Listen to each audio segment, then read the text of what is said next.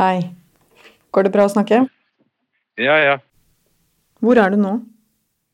Jeg kan ikke si det fordi det står i fare andre folk som befinner seg her, der Mm. jeg er. Jeg skjønner. Hør, hør nå sirenen. Ja. Det er flyangrep igjen. Å, fy søren. Og du er trygg? Eh, 50-50. Hm. Men eh, når jeg var i fronten, man er redd.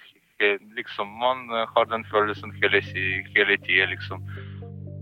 Redselen det, det er konstant følelse som eh, har alle soldater ved fronten. Det her er episode tre av Alt fortalt-serien I krig. En serie hvor vi forteller historiene til mennesker i og rundt krigen som foregår i Europa nå. Og soldaten Genadi, som du hørte her, han ville heller dø enn å leve under russerne. I flere år så har han kjempa mot dem, og han har klart seg ved frontlinja i krigen helt til nå. Men før han havna der, så bodde han i Norge. Det fortalte han til min kollega Ida Tune Øretsland. I Norge jeg ble kalt for Gunnar. Gunnar? ok. Kjenner du mange folk i Norge fortsatt? Jo, jo, jeg har venner som skriver eh, på Facebooken av og til, så jeg holder kontakt med noen venner. Gennadi, eller Gunnar, sammenligner krigen han kjemper mot russerne, med andre verdenskrig i Norge. Det fantes folk som Max Manus, som aldri ga opp håpet. Vi er mange, vi er, vi er flere millioner. Vi er flere millioner. Og akkurat nå på spillet står eh, vår, vår frihet.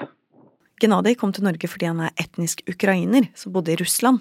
Og det var ikke helt trygt, sier han.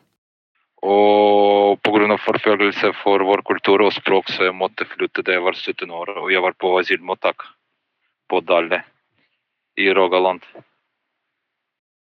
Etter tolv år eh, jeg giftet meg i Norge med en ukrainsk jente. Og så vi bestemte oss å flytte tilbake til Ukraina. Først og fremst fordi vi planlegte familien og barn. Og vi, som nordmenn sier, godt å være norsk i Norge, ikke sant? Eller i Danmark. Mm. Så vi mente at det er godt å være ukrainer i Ukraina.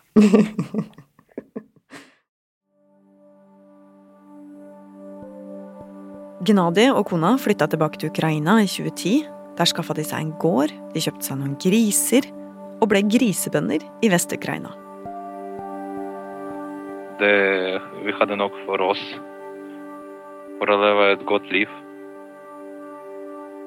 Men så, i 2014, så skjedde det noe som skulle endre alt. Russerne tok over halvøya Krim fra Ukraina. At de begynte med den aggresjonen mot oss uten grunn, uten eh, grunnlag, for å si det sånn. Og Gennadi bestemte seg for å verve seg til militæret. Men kona hans var gravid, og hun ba han om å vente. Så når barnet ble født, så var han sammen med familien sin i tre måneder før han dro og meldte seg til tjeneste for den ukrainske hæren. I januar 2015 jeg gikk. Jeg gikk i militæret.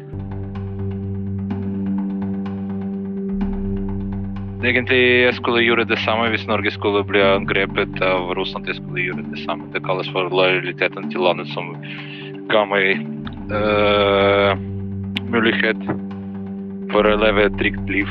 For å være meg selv. I flere år så kjempa Gennadi mot russerne øst i Ukraina. De kan ikke krige. De er dårlige soldater. De har ikke noen taktikk. De bruker samme gamle sovjetiske taktikken. De bare sender folk mot uh, maskingeværer som uten noen mening. De tar ikke vare på sine egne soldater. De bryr seg ikke om dem.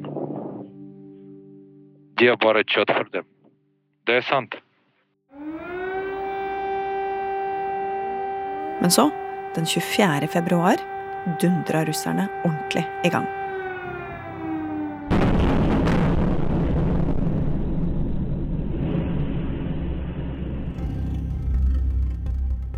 Den 24. februar startet med flyangrep og så tankangrep, og da begynte det på skikkelig. De brukte våpen som var forbudt, f.eks. For fosforbomber, som de brukte på oss.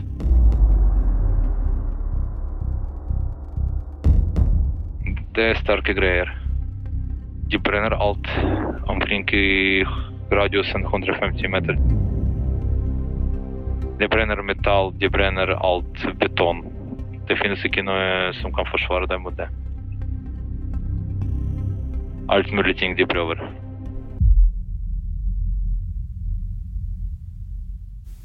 Hva, var din, hva gjorde du da? Hva var dine oppgaver? Mine oppgaver er å drepe fiende. Hmm. Ikke noe annet. Å drepe mest mulig. Ja. Med stor glede. Vi får stor glede når vi dreper dem. Og det her er jo ganske spesielt å høre på når man ikke er i krig sjøl. Men det er sånn det er, sier Gennadi. Det er som i første, andre verdenskrig. Det, det, det, det er på like nivå. Vi har en linje, frontlinje, som vi må holde. Uansett hva det skal koste oss. Fordi hvis vi går tilbake, så De fortsetter sin offensiv, så vi må holde fienden, fordi bak oss det er våre familier, våre nærmeste. Vi kan ikke gå bak. Vi, vi skal fortsette å stå der vi står. Er, er barnet ditt og kona di i Ukraina nå? Ja. Ja. Og de mm, De nektet å flytte da det var den store angrepet den 24. februar. De nektet å flytte. hmm. Hvorfor vil de bli? Fordi de støtter meg. De støtter sitt land. De støtter den ideen som vi kriger for. Vi kriger for uh, å bli en del av, uh, av moderne samfunnet. Av, uh, av den siviliserte verden. Vi vil rive oss fri fra det gamle sovjetiske fortiden som Russland og Putin prøver å, å tvinge oss tilbake. Ja, hva slags liv ville det vært? Hvis de klarte det. Uh, ikke noe fri valg. Det som var i Sovjetunionen, vi opplevde det i 70 år i Ukraina og andre deler av Russland til og med, og baltiske republikkene i Kaukasus. Jeg er 42 år, jeg husker hva det er for noe. Så. Faren min var uh, stor antikommunist, og han satt i fengsel i Russland pga. sine meninger. Så derfor så har Gennadij gitt alt i krigen mot russerne. Han har stått helt først når russerne har sendt raketter, og han har skutt tilbake.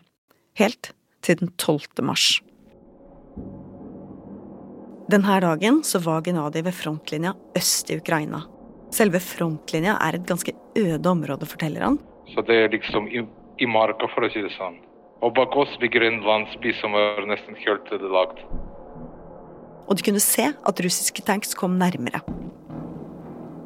Da tanksene var ca. 100 meter unna, så skøyt de mot dem, forteller Gennadij. Vi, min avdelingen, eh, ødelagte to tanks og MBMP2 med infanteriavdeling. Rakettene traff de russiske tanksene, og de ble helt ødelagt. Og etterpå skøyt de mot de russiske fotsoldatene. Og så skøyt russerne tilbake. Og så de begynte å skyte på oss med artilleri. Offiseren som var eh, der med oss, han uh, ropte på meg og sa at jeg måtte gå og hjelpe en annen kar som var såret. Gennadi forteller at han og to andre soldater gikk bort til den såra soldaten som lå på bakken. Han kunne ikke gå sjøl, og de måtte bære han i sikkerhet.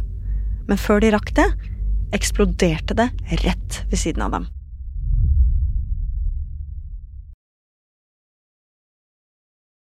Jeg trodde at uh, Jeg mistet armen, for å si det sånn, men jeg beveget på med fingrene. Jeg prøvde å bevege på fingrene, så det funket å bevege på fingrene, så jeg skjønte at det bare ikke så stor skade, og så jeg fikk vondt i, i ribbene. Jeg trodde at ribbene ble bråket, men egentlig det var bare lungene som var fullt med blod.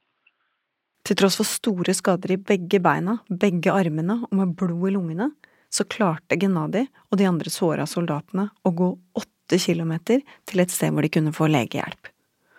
Og han som ikke kunne gå, ble båret. Listen til livet er sterk. Alle vil leve, uansett hva. Det er bare Gennadi og de andre soldatene ved fronten som vet detaljene om hva som skjedde akkurat denne dagen. Men alt han forteller om tid og sted, stemmer overens med det vi har mulighet til å sjekke. Og så har han sendt oss et bilde av seg sjøl fra sjukesenga. Der ligger han med store sår på nesa og med mindre sår rundt omkring i ansiktet, og med bandasje på begge skuldrene og nedover armene. Og hva skjer videre nå, da? Skal opereres. Mm. Tror du at du skal tilbake i frontlinja? Ja, selvfølgelig, når jeg blir helt frisk. Jeg skal fortsette kampen. Som jeg hadde sagt til deg, de skal ikke få sjansen. Og vi kommer helst til å dø enn å overgi seg til dem. Våre fredelige byer bombes, det drepes barn, det drepes gravide kvinner, det drepes gamle, det, det drepes uskyldige folk. Men hva tenker kona di om at du skal tilbake og kjempe i fronten? Det støtter meg. Kona liker ikke det, selvfølgelig, men hun støtter meg. Fordi hun har rett at, eh, det kommer, at hun kommer til å miste meg, men sånn er livet. Hmm. Jeg skal fortsette å leve i mine barn, vet du. Så vi vet hva vi kriger for, og vi vet hva vi dør for. Og vi vinner den kampen. De taper.